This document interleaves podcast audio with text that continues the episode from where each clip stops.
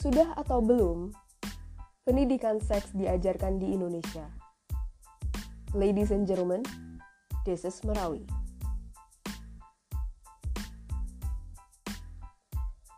Ladies and gentlemen, welcome to Merawi bersama Kira Reina.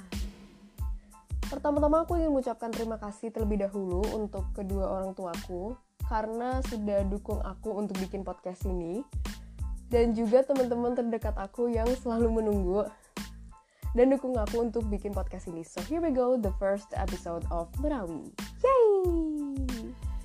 Oke, okay, seperti yang teman-teman lihat di judul episode, kali ini aku ingin membahas tentang sex education atau bahasa Indonesianya pendidikan seks. Pertanyaannya, apakah pendidikan seks sudah diajarkan di Indonesia, terutama di sekolah? So without any further ado, let's discuss.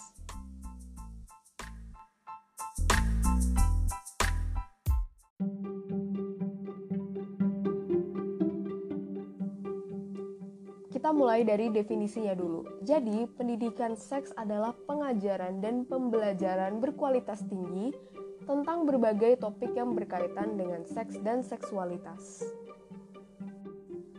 kalau kita garis bawahin seks dan seksualitas, seks itu terbagi menjadi dua, yaitu laki-laki dan perempuan. Sedangkan seksualitas itu cara kita mengekspresikan diri sebagai makhluk seksual. Teman-teman, sebenarnya pemerintah telah memberikan pedoman pendidikan seks dalam Undang-Undang Pasal 136 sampai 137 dalam kurikulum 13 atau dengan akrabnya kita sebut Kurtilas. Sayang, tidak semua sekolah bisa mendapatkan akses pendidikan seksual ini karena pendidikan di Indonesia masih belum merata. Dan kalau kita dapat akses mempelajari pendidikan seks, kita hanya belajar di olahraga dan biologi aja. Misalnya, bab organ reproduksi tapi kita tidak diajarkan tentang antisipasi seksualitas atau efek ketika kita menyimpang.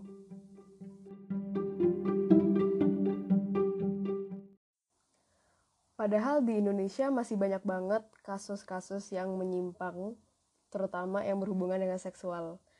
Contohnya, pelecehan seksual. Baru-baru ini ada kasus perempuan lagi menunaikan ibadah sholat dilecehkan oleh laki-laki. Selain melawan norma kesopanan itu juga melawan norma asusila ya teman-teman. Dan kasus remaja laki-laki berumur 16 tahun diperkosa oleh janda.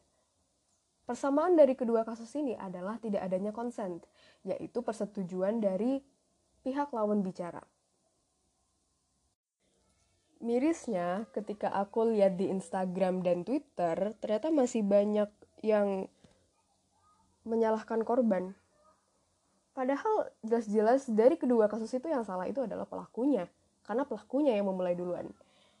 Alasannya mereka pikir bahwa kalau mereka diam itu berarti ketagihan, padahal itu bukan sama sekali ketagihan. Itu justru adalah tonic immobility tonic immobility sendiri itu adalah refleks di mana pihak korban tidak bisa bertindak ataupun berbicara.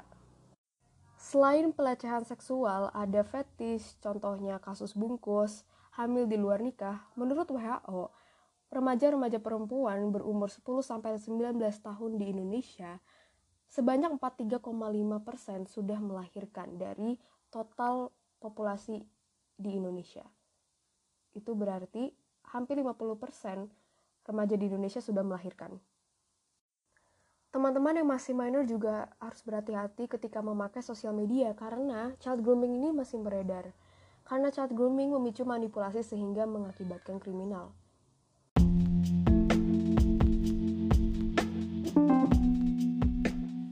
Kejahatan seksual berasal dari kurangnya pengarahan. Adakah solusinya untuk meningkatkan kualitas pendidikan seks di Indonesia? Jawabannya ada. Namun itu semua harus berawal dari orang tua. orang tua sebaiknya sudah mengarahkan tentang organ reproduksi kepada buah hatinya sedari kecil bahwa itu tidak boleh dilihat atau dipegang oleh sembarang orang. Bisa juga sehabis berenang memandikan buah hatinya di kamar mandi yang tertutup. Ketika buah hati memasuki fase pubertas, berikan pengarahan tentang consent, sexuality, penyimpangan seksual maupun sosial serta mengajarkan kesetaraan gender dan hak asasi manusia untuk membantu mereka mengembangkan hubungan yang saling menghormati dan kehidupan seksual yang sehat. Jika pendidikan seks diajarkan lebih luas di sekolah, maka pendidikan seks membawa efek lebih positif, yaitu meningkatkan pengetahuan anak didik dan meningkatkan sikap mereka terkait kesehatan dan perilaku seksual dan reproduksi. Panduan dari Pendidikan Seksualitas Komprehensif UNICEF, CSE, adalah proses belajar mengajar berbasis kurikulum tentang kognitif, emosional, fisik, dan aspek sosial seksualitas.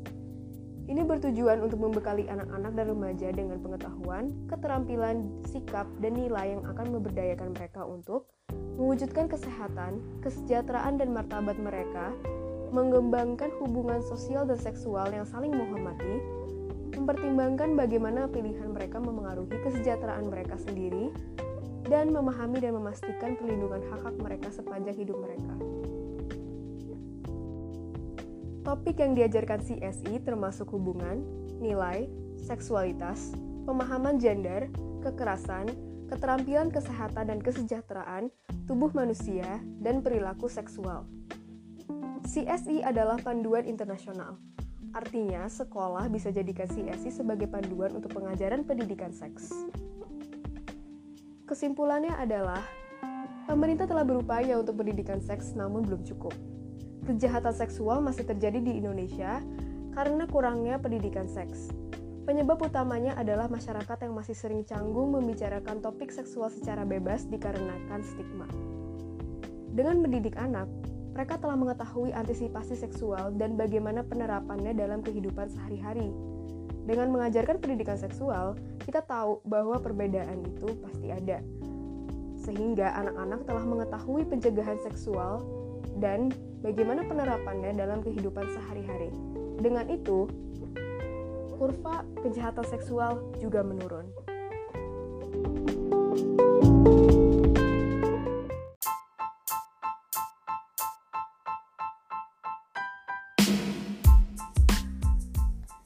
Hai guys, bagaimana pendapat kalian tentang episode kali ini? Let's keep in touch dan beri kritik dan saran di Instagram aku at Kirarina.